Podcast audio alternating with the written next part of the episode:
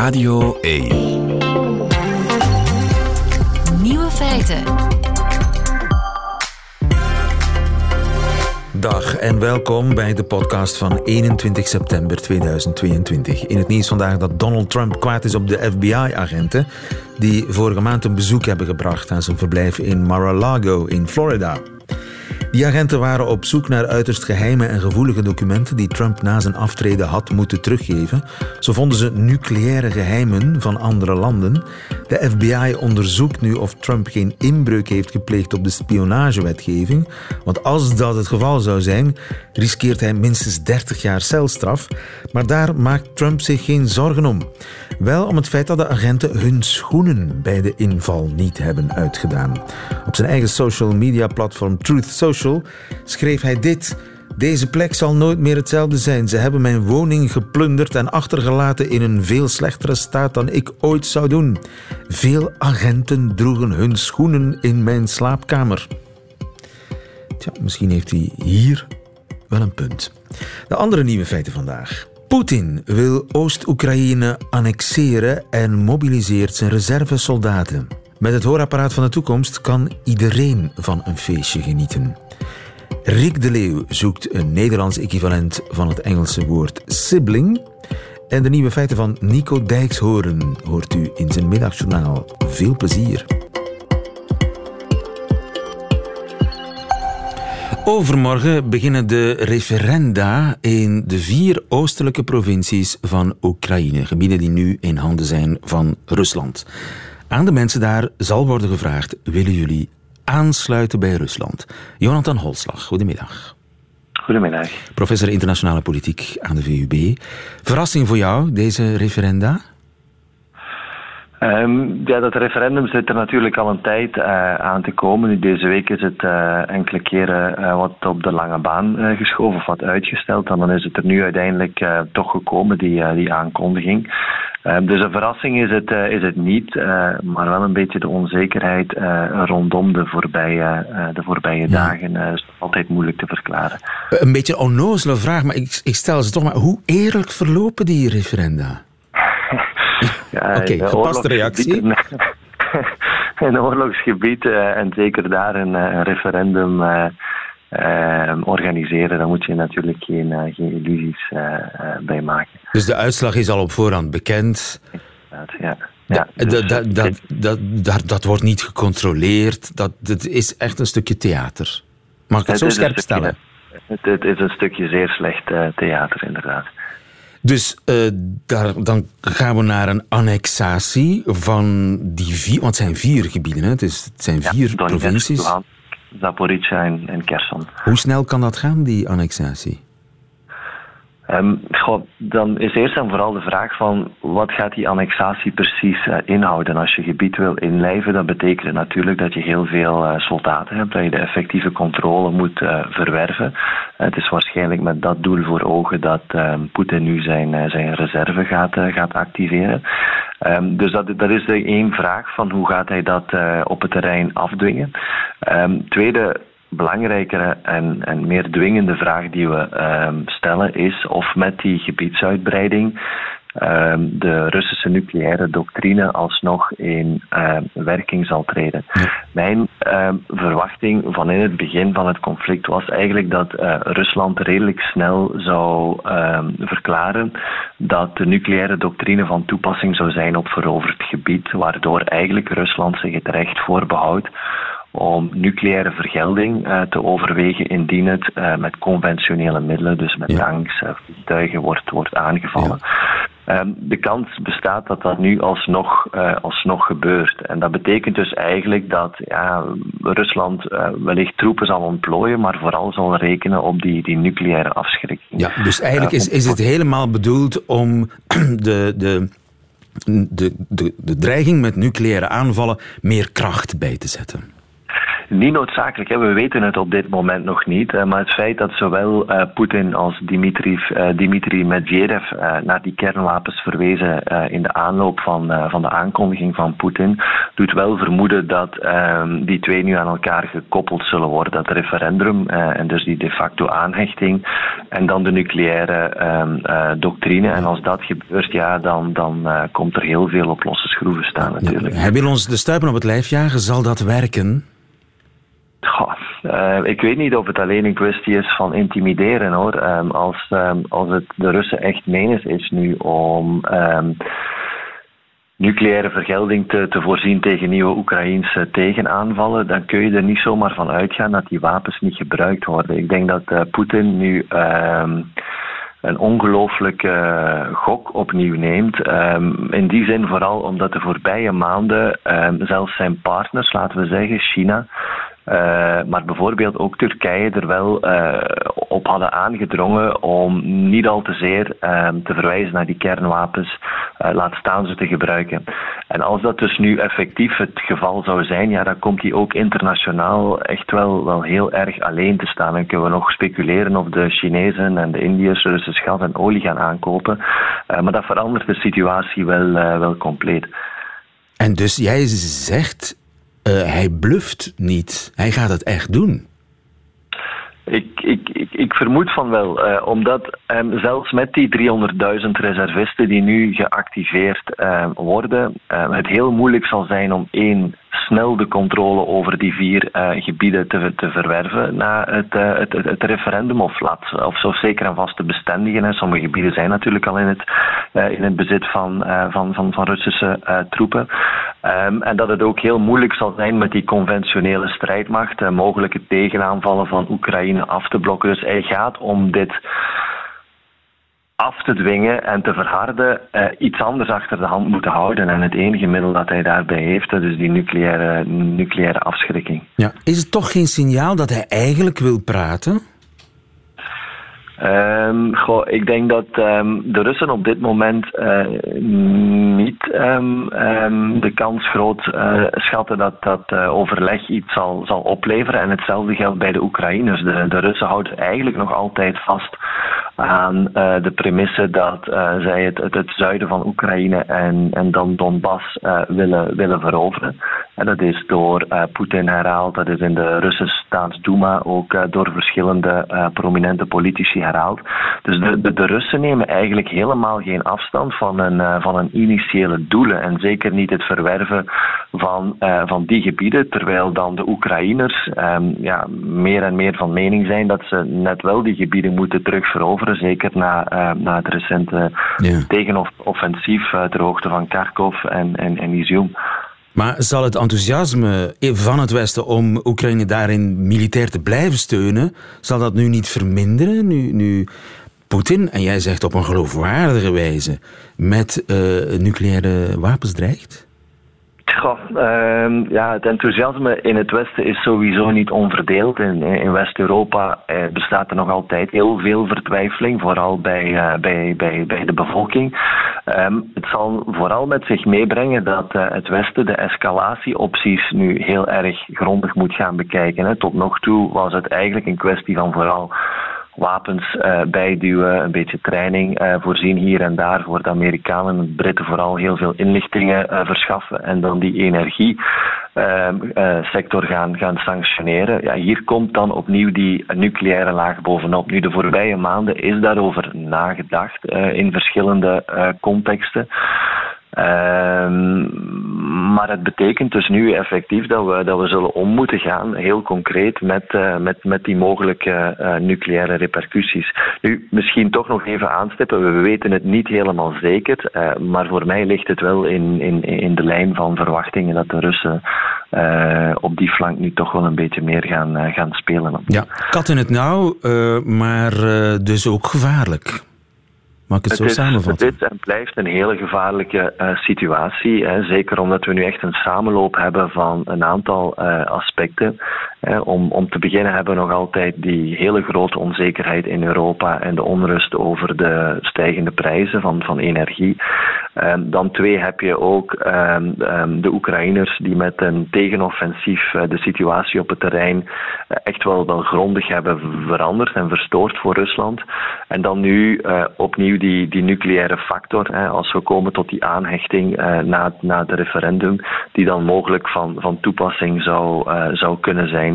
Dus het, het is een beetje dezelfde dezelfde onzekerheid en complexiteit uh, die we aan het begin van het conflict hadden, die dan deze zomer een beetje ja, geluwd was. Hè. Uh, en, en dan nu, zoals toch wel ook voor een stuk verwacht, uh, Poetin die dan alsnog op het gaspedaal uh, aan, het, uh, aan het duwen is. Gevaarlijke tijden, dankjewel Jonathan Holslag. Ik ga meteen door naar Marijn Trio, onze Ruslandkenner. Goedemiddag Marijn. Goedemiddag. Poetin heeft uh, vanmorgen een uh, tv-toespraak gegeven en daarin viel het woord dus мобилизации. Считаю необходимым поддержать предложение Министерства обороны и Генерального штаба о проведении в Российской Федерации частичной мобилизации. Mobilisatie. Poetin vanmorgen op de televisie. Ze komt er dan toch, zei het gedeeltelijk, de militaire mobilisatie in Rusland. Ja, inderdaad. Het gaat er al lang over. Uh, het Kremlin heeft altijd ontkend dat een mobilisatie nodig zou zijn. En nu komt er inderdaad, maar dus gedeeltelijk. Hè, en dat is toch een belangrijke nuance, een groot verschil. Ze proberen daarmee natuurlijk ook de bevolking gerust te stellen. Het zijn niet alle mannen die zouden kunnen gaan vechten, die ook moeten gaan vechten. Um, de minister van Defensie, Shoigu, had het over een potentieel van 25 miljoen Russen. Maar maar 1% daarvan zal worden opgeroepen volgens hem. Dat gaat dus over 300.000 mensen. Als we de minister van Defensie mogen geloven, gaat het dus enkel om een kleinere groep. Uh, hoewel dat zijn ja, reservisten, dat zijn mensen die zichzelf al opgegeven hebben als uh, reservesoldaat. Ja, dus dat, zijn vaak mensen die, dat zijn vaak mensen die in het leger al hebben gediend en daarna een contract hebben gesloten of uh, die, die opnieuw zouden kunnen opgeroepen worden. Um, en dat zijn ook de mensen die ze zoeken. Hè. Mensen die al specifieke uh, competenties hebben, militaire ervaring hebben en die dus ja, voor bepaalde specifieke doelen kunnen worden ingezet. Maar dat neemt niet weg, 300.000, dat dat wel een heel groot aantal is. Uh, we weten niet precies hoeveel Russische militairen in Oekraïne vechten op dit moment, of hoeveel er ooit zijn geweest, maar er zou rond de 170 of 180.000 in het begin van de oorlog in Oekraïne zijn uh, samengebracht. dit zijn er nog veel meer, dus het gaat wel degelijk om een aanzienlijke groep. Ja, en dat zijn dan mensen die eigenlijk gewoon werken als standaard, als ja, chirurg of als professor politicologie bijvoorbeeld, die ooit in het leger hebben gezeten, die zich als reservist hebben opgesteld, die, die nu ja, ten oorlog moeten. Ja, en dat is uh, toch de vraag of zij dat zullen willen natuurlijk. Hè. Het, is, het is een beetje tot nu toe werd die, werd, werd, worden de Russen eigenlijk heel erg afgeschermd van die oorlog. Ze krijgen via de Russische staatstelevisie een bepaald rooskleurig beeld van die oorlog te zien. Uh, natuurlijk met de nodige verantwoording, hè, dat ze in, in, in oorlog zijn met het Westen of dat het, dat het nazi's zijn in Oekraïne. Maar ook dat die oorlog eigenlijk ja, voortreffelijk verloopt. dat die ook heel clean verloopt. Hè. Er gebeuren natuurlijk geen oorlogsmisdaden of dat soort zaken. En het is ver van je bed, want eigenlijk zijn de gevolgen voorlopig voor de gemiddelde Rus niet zo groot. Hè. De prijzen zijn wat gestegen, maar de meeste Russen kunnen toch met een soort oogkleppen op hun leven verder zetten. Ver van mijn bedshow, die oorlog. Ja, absoluut. En nu komt die oorlog bij het bed van uh, ja, 300.000 reservisten. Hoe zullen de Russen daarop reageren? Ja, het is, uh, dat is inderdaad een grote vraag. We zullen nu misschien de komende weken zien hoe groot effectief uh, de, de, de, ja, het, hoe, hoeveel mensen er effectief voor die oorlog in Oekraïne zijn. Um, natuurlijk, als je broer, je vader, je zoon naar de oorlog wordt gestuurd, dat is toch, toch iets helemaal anders. Hè? Dus je zag nu gisteren al dat er zijn op Telegram, een sociaal medium, groepen waarin mensen samen zitten die tips geven aan elkaar hoe ze het land kunnen verlaten, hoe ze Rusland kunnen verlaten. Die zijn vaak opgericht in de dagen voor de invasie, eind februari. Um, en die ja, begonnen gisteren weer te herleven. Uh, blijkbaar waren de vliegtuigtickets naar Yerevan en Istanbul, dat zijn uh, twee steden waar Russen nog gewoon naar kunnen vliegen. De, de, de, bestemmingen zijn beperkt voor de Russen tegenwoordig. Die vliegtickets waren allemaal uitge, uitverkocht. En nu is er ook een melding dat, dat sommige maatschappijen en ook de treinen geen tickets meer verkopen aan volwassen mannen. Um, dus ja, je merkt toch een zekere onrust bij de bevolking. Anderzijds zie je ook in die Telegram-groepen dat, uh, dat, dat veel mensen elkaar ook wel proberen te sussen. Het gaat nog altijd maar om die specifieke groep van mensen die zich als reservist hebben opgegeven of die in het leger hebben gezeten. Uh, dus dat blijft nog altijd voor veel Russen toch hen niet meteen raken. Ja, nu, Jonathan Holslag zei net, ja, uh, Rusland, Poetin staat meer en meer geïsoleerd internationaal. Zou je ook kunnen zeggen dat hij nationaal geïsoleerd geraakt? Er is een, een, een, de laatste dagen was er eigenlijk een, een, uh, een soort uh, discussie. Ja, ze moesten natuurlijk die verliezen in Oekraïne verkopen. Hè. Um, en je zag eigenlijk de meeste kritiek die kwam niet van de mensen die tegen de oorlog zijn, maar van mensen die voor meer oorlog zijn. Dus de, de Haviken die, die, die, die wilden dat uh, Rusland uh, grote uh, winsten zou boeken in Oekraïne eindelijk, hè, wat dus duidelijk niet het geval is. Dus eigenlijk komt het meeste kritiek, de meeste kritiek op dit moment uit die hoek. En deze gedeeltelijke dan wel mobilisatie lijkt een toegeving daaraan te zijn om te laten zien van hé, we nemen deze oorlog wel serieus en we, we, we zien misschien dat er iets moet veranderen. Um, maar zal dat, dat de andere kant niet wakker maken van zijn mogelijke kritiekasters? Ja. Dat is natuurlijk de vrees. Een, een, een, contact van mij in Rusland zei meteen vanmorgen stuurde een bericht. Uh, dit zou wel eens kunnen betekenen dat Poetin voor het einde van het jaar verdwenen is. Ik weet niet of het zo'n vaart zal lopen, maar het is natuurlijk een, dit lijkt een soort wanhoopspoging te zijn van Poetin. Een, een, manier om toch nog um, te tonen dat hij sterk is, om de kaarten opnieuw te, om de kaarten te herschudden. Dat is wat hij doet door de inzet te verhogen. Hij heeft het ook niet meer over een oorlog tussen Rusland en Oekraïne, maar over een oorlog tussen Rusland en het Westen. Uh, hij heeft het over die kernwapens. Uh, ja. Jonathan Holslag zegt, neem dat zeker serieus. De kans bestaat dat hij die daadwerkelijk zal inzetten. Geloof jij dat ook? Een dreigement is alleen maar effectief als het geloofwaardig is, natuurlijk. Hè. Um, is het geloofwaardig? Ja, hij zegt zelf.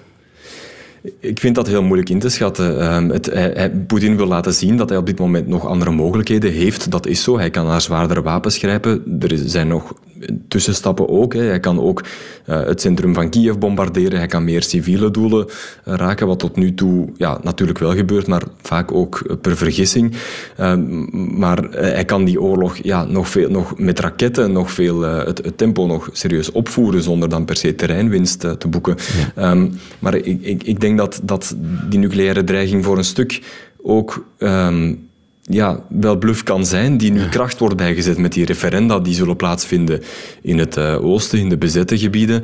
Um, wat natuurlijk Poetin de juridische onderbouw geeft voor een geloofwaardiger dreigement om kernwapens in te zetten. Want als die gebieden geannexeerd worden, deel van Rusland worden, en aangevallen door, worden door het Oekraïnse leger. Ja, laat staan dan nog eens met westerse wapens. Hè, want tegenwoordig uh, hoor je in Rusland niet anders dan dat doelen geraakt zijn met HIMARS, dus met Amerikaanse raketten. Ja, dan geeft dat natuurlijk dat dreigement van uh, kernwapens in te zetten meer kracht. Ja, of hij ooit die stap zal zetten, dat, uh, dat, dat is ja, heel moeilijk te. Daarin, dat weet hij zelf allicht ook nog niet. Voorzichtiger dan Jonathan Holslag. Ik bluf niet, zegt Poetin. We hopen dat hij zoals gewoonlijk ligt. Dankjewel, Marijn Trio. Ja. Het ontbreekwoord. Rick de Leeuw gaat op zoek naar woorden die in onze taal helaas nog niet bestaan. De ongeboren woorden, daar zijn we mee bezig. Rick de Leeuw onder meer is daarmee bezig. Goedemiddag, Rick. Goedemiddag. Vorige week hebben wij gelust boven de doopvond gehouden. Nieuw woord voor de cirkel is rond. Er zijn nog andere woorden. Mooi woord. Heb je, heb, je het al, heb je het al kunnen gebruiken? Gelust. Nee, dat is mij nog niet gelust. Als het ware. uh, kruiptijd, anaroom, allemaal nieuwe woorden. Jij zoekt en vindt nieuwe woorden met dank aan de luisteraar van Radio 1 die suggereert, die worden suggereerd. En met dank ook aan uh, Ruud Hendricks. Goedemiddag ook, Ruud. Hey, dag lieve. Je bent de hoofdredacteur van Vandalen. En in deze scherprechter... Scherp vooral, hè? Heel scherpe rechter. Uh, Rick, we zochten vorige week een woord voor.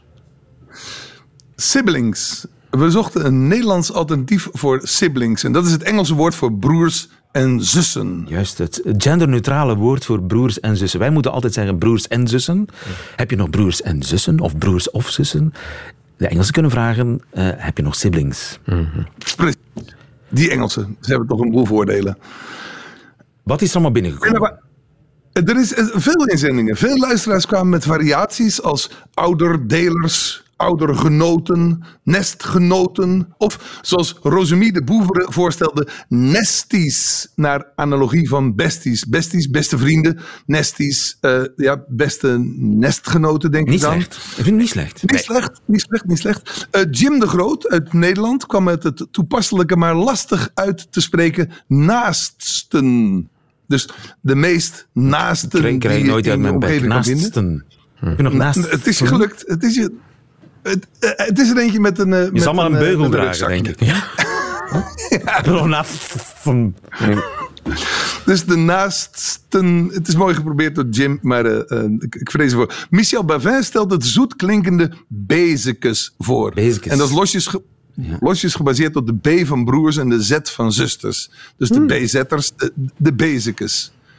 Niet slecht. Marloes Hak, Hak, sorry, Marloes Hak komt met het fraaie baarlingen. Dus zij die door dezelfde moeder gebaard zijn. Wat vinden we daarvan? eh Wat vinden we daarvan? Baarlingen? Eh, wel, eh, Baarlijke duivel. Dus het is- ja, ja, maar to- toen, ik dat, toen ik dat las, dan dacht ik meteen aan dat zijn gewoon kinderen. Baarlingen, Ja, ja. Niet zozeer eh, Nog? broers en zussen. Baarlingen komt, dat wordt het niet. Dat wordt hem niet. Ik voel het al. Dat wordt hem niet, hè? Nee. Eh, dan duiken we de genenpool in met Madelon Trauze. Zij stelt genesten voor. En daar zit eh, dus vanwege het nest waarschijnlijk. En vanwege de gedeelde genen. Dus? Genesten. en, ook, en ook bronnelingen vindt ze een vrij alternatief. Maar dat bronnelingen heeft waarschijnlijk dezelfde eh, euvel. eh, als in, of in, is in hetzelfde bedje ziek als de baarlingen.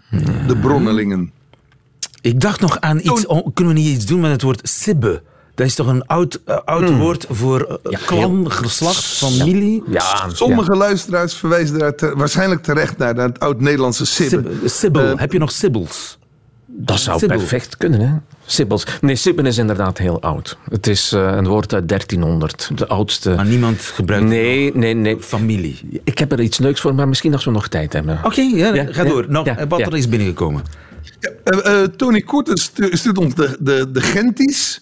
Ook onder verwijzing naar, verwijzing naar genen, maar ook naar generatie. Dus dat je een, van dezelfde, in dezelfde generatie zit. eh, dat- zijn dus eigenlijk broers en zussen, niet slecht. En Arne Middenboot tot slot stelt iets gelijkaardigs voor. Geners. Eveneens refererend aan de genen met als verkleinwoord genertjes. Dus de, de, Oké. de, de, de jongsters. onder Veel, de hè? er is veel binnengekomen. Het is, eh, de behoefte is ook groot aan zo'n woord. hè. Waarom hebben wij dat niet? In het Zweeds heb je Dus er zijn de- de- landen ku- kunnen het. Waarom kunnen de Nederlandstaligen het niet? Als de Engelstaligen, de. Zweedstaligen en ja, ik neem aan dat in Duits ook wel zoiets bestaat. Ik weet het niet. Ik weet het ook. Geschwester, Ja, inderdaad. Geschwester, Ja. Geschwester. Ja. Er, eh, ik vraag even De aan Nederlandse taal is wederom met stiefmoederlijke hand bedeeld in deze. Ruud, Ja. aan jou de lastige taak om er één winnaar uit te pikken. Nesties. Nesties. Ja. En ik denk dat ik eh, daarvoor heel wat kritiek zal krijgen, omdat het natuurlijk weer. Ah, mensen zeggen van het is eh, gebaseerd op een, op een Engelse vorm als besties, want daar lijkt het natuurlijk op je beste vrienden. Maar ehm, het, je ziet dat die ehm sties, die is-achtergrond, dat dat, eh, dat dat productief wordt in het Nederlands. En ik dacht, dat moeten we een beetje stimuleren. Dus ik dacht van, we kiezen voor nesties, ook omdat dat een. En, en dat is zeer onwetenschappelijk, maar dat voelt bij mij aan als een warm Juist. woord. Heb je nog nesties? Dat klopt. Heb ja. je nog Jij nesties? bent mijn nestie. Ik En- heb twee en- nesties. Ja, en zo die baarlingen en zo, dat klinkt, oeh, dat klinkt me allemaal zo anatomisch. En, Ja, de, de moederkoek. eh, ja, ja, ja, ja, je juist, erbij? Juist, ja. En dus ik dacht, laten we maar gaan voor nesties. Ik ben het helemaal met je eens. Eh, we hebben een nieuw woord. Dankjewel, Rosemie de Boevere. Jij bent de moeder van het woord nestie dat wij vandaag hebben. Moeder aller nesties. De moeder aller nesties dat wij hebben laten geboren worden, dat komt erbij op de lijst ontbreekwoorden. Rick, heb jij... een- Maar nog, nog heel even kort, als, als er tijd is, want ik wilde echt wel van de voorzitter horen hoe dat dan met dat sibben zit. Want bedoel, een woord verdwijnt niet zomaar. Dus Nee. het is eigenlijk niet handig om dat terug op het, op het op het, uh, ja, maar, op het schild te hijsen als dat toch een neiging heeft te Juist, verdwijnen. jij had daar nog iets Sibbe, over. Sibbe, ja, ik ben, eens gaan, ik ben daar eens de geschiedenis van Sibbe gaan opzoeken. Ik zal het kort proberen te houden. De oudste uh, vorm daarvan hebben we gevonden, dateert uit, het, uit 1300. Ja. ja? En uh, het was een algemeen woord voor familie, verwantschap, verwanten. Dat was een heel breed woord dat ik kijk nu naar een West-Vlaming, naar het schijnt tot in de. Oh, je m'excuse. Oh, mais je m'excuse aussi. okay. uh, maar blijkbaar zou, de, zou dat door, uh, door notarissen tot in de 19e eeuw zijn gebruikt in. West-Vlaanderen. Maar wat wij ineens bots ik op iets. Ik dacht van dat moet ik delen. Het woord gossip, het Engelse woord voor uh, roddel. roddel, daar zit sibbe in. Want dat woord, dat woord gossip is een samentrekking van gossip. En dat was dus eigenlijk gewoon een ander woord voor Peter of meter. Oké. Okay. Juist, zoals Godfather en Godmother had je dus de gossip. En blijkbaar is dat dan opgeschoven naar mensen die veel praten. Die, en dus ja, daarna mensen die echt okay. gaan roddelen. Oké, okay. dit uh, zijn stapje over, over de bakerpraatjes, inderdaad. Maar het is toch Nestie geworden. Ja. Heel snel, Ruud, uh, waarop zit je te broeden? Welk nieuw woord moeten, moeten we tegen volgende week gevonden hebben? Mag ik dat vertellen misschien? Ja, tuurlijk. Ja. Ja, uh, uh, toen ik jaren geleden zonder noemenswaardige voorbereiding de marathon van Berlijn liep, trok er de laatste kilometers een intense mengeling van vreugde en pijn door me heen. Die leidde tot een soort emotionele incontinentie. Ik moest huilen en lachen tegelijk. Ja. Dat komt vaker voor. Het overkomt ons allemaal. Jou ook. Ik weet het zeker. Bij mooie muziek, bij kleverige films, bij onverwachte ontmoetingen, bij lang verwachte ontmoetingen. Je schiet plotseling vol en barst hetzelfde moment in lachen uit. Ja. Maar als iets gelust is, als het ware. Exact, exact. Jij begrijpt het. Maar is er één naam te vinden voor die specifieke mix van gevoelens? Hoe noemen we dat in één woord? Lachen en huilen tegelijk. Oké, okay, dat is een heldere opdracht. Dus als u daar een uh, suggestie voor heeft, laat het ons weten via de Radio 1-app. Maar Nesty is het nieuwe woord, het nieuwe ontbreekwoord dat we deze week hebben gevonden voor broers. Ik ga mijn zussen bellen. Zussen, ja, doe, doe dat. Feiten. Hoorapparaten zijn prachtig, maar op feestjes hoor je dit. Het is moeilijk iemand te verstaan als verschillende mensen door elkaar praten. En dat is om gek van te worden. Benjamin Dieudonné, goedemiddag. Goedemiddag. Jij gaat daar iets aan doen. Je bent dokter in de biomedische wetenschappen en jouw doctoraat dat gaat over hoorapparaten ja. die mensen weliswaar helpen om te horen. Inderdaad. Maar er is een probleem. Wat is het probleem? Uh, het grootste probleem met hoorapparaten, en vooral mensen met een heel ernstig gehoorverlies, is dat die heel moeilijk uh, spraak kunnen verstaan in rumoerige omgevingen. Want zij horen die klanken allemaal tegelijkertijd en zij horen niet de bron van het geluid. Ja, inderdaad. Horen zij dan in mono, mensen met een hoorapparaat? Uh, niet per se allemaal. Dus, dus um, waar inderdaad mijn doctoraat over ging, is om, om um, een soort van beter stereoklank te hebben met hoorapparaten. Uh, om te weten van waar dat verschillende geluiden komen. Uh, maar dat ging in het bijzonder eigenlijk over mensen met een heel ernstig slecht, uh, slechthorendheid. waarbij dat, dat inderdaad bijna als een, als een monosignaal is eigenlijk. Dat, dus dat, dat is nog verschil. De ene hoort wat meer stereo dan de ander. Ja, inderdaad. Ja. Ja, en bij sommige mensen helpen hoorapparaten niet om een stereobeeld te hebben. Nee, eigenlijk de hoorapparaten nu houden daar weinig tot geen rekening mee. Dat, dat je je twee oren nodig hebt om bijvoorbeeld geluiden te lokaliseren. Bijvoorbeeld een mug te lokaliseren. Bijvoorbeeld een mug, ja. Want ik kan nu heel goed met mijn vinger zelfs aanwijzen hoe die mug vliegt. Ja, inderdaad. Tuurlijk, ik heb een koptelefoon op, dan, dan, dan helpt het natuurlijk Ja, ja. nog meer. Ja, of als het een echte mug is natuurlijk. Ja. Wow, ja, nu kwam ze heel dicht. bij. Maar dus mensen... Ik, ik, heb, ik, ik heb de neiging zelfs om ze eh, dood te mappen. Dat mag natuurlijk niet. Maar eh, dus zou je mensen in die situatie, die hoorapparaten hebben die hen die eh, sensatie niet geeft, zou je dus kunnen helpen. Hoe doe je dat? Ja, inderdaad. Ehm, dat is eigenlijk door een, een nieuw hoorapparaat-algoritme. Algoritme? Dus niet door een apparaat, door een, maar door een algoritme. ja, het is iets dat eigenlijk op, op bestaande hoorapparaten zou kunnen geprogrammeerd worden. Wauw. Ja.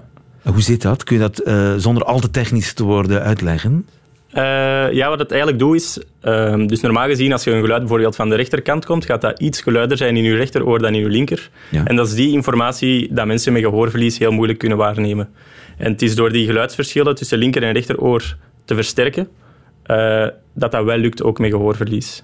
Alright. En daar heb je aan gewerkt voor je thesis en dat werkt. En dat werkt, ja. Ja, want laten we nou eens luisteren hoe een feestje klinkt voor die mensen nu. Het is moeilijk iemand te verstaan als verschillende mensen door elkaar praten. En als we daar jouw algoritme op loslaten, dan wordt dat dit. Het is moeilijk iemand te verstaan als verschillende mensen door elkaar praten.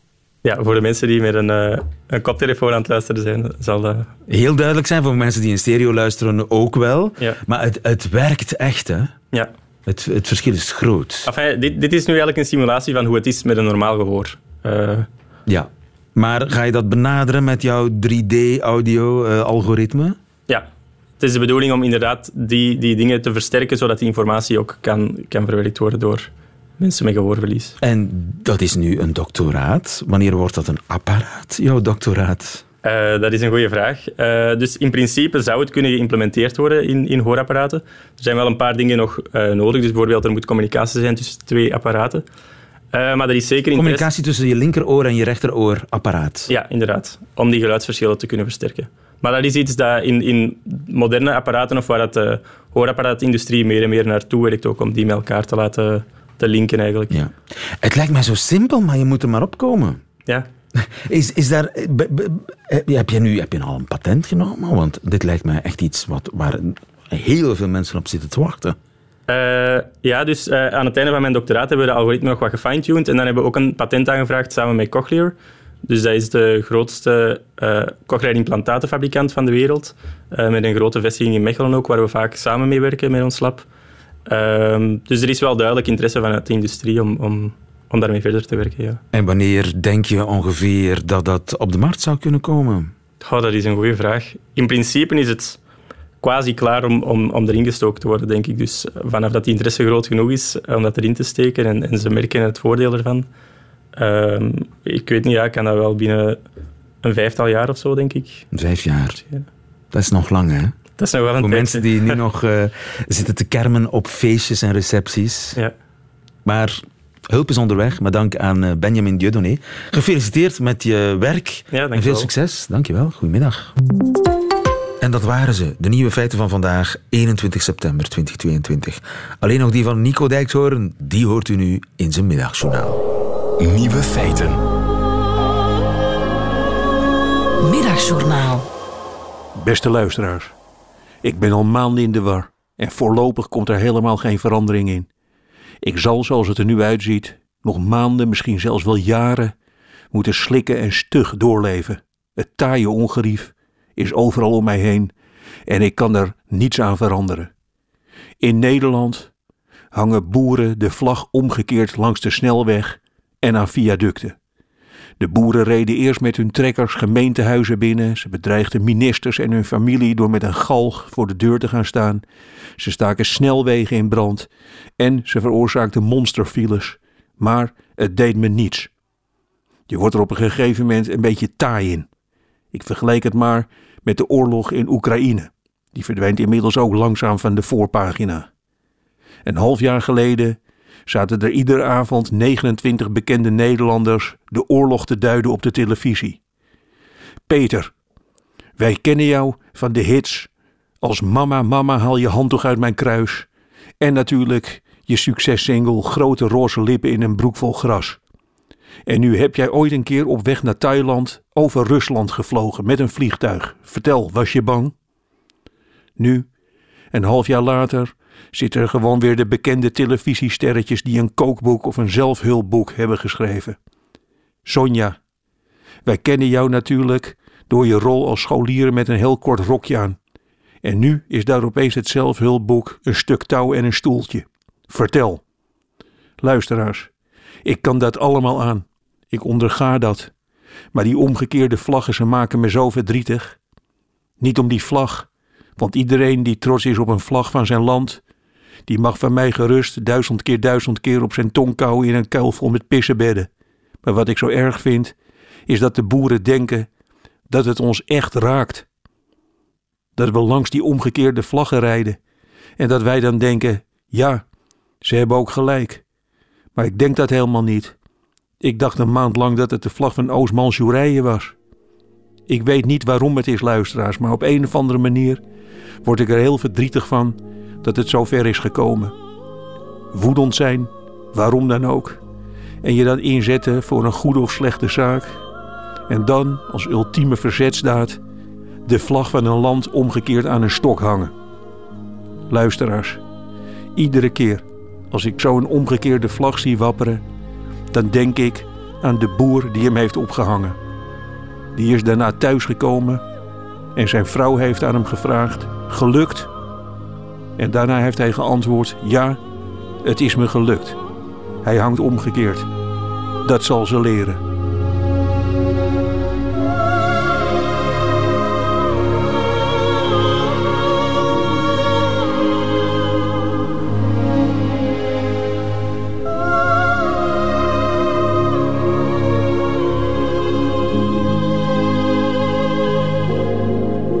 Middagjournaal met Nico Dijkshoorn. Einde van deze podcast. Hoort u liever de volledige nieuwe feiten met de muziek erbij. Dat kan natuurlijk live elke werkdag tussen 12 en 1 via Radio 1 of on demand via de Radio 1 website of app. Tot een volgende keer.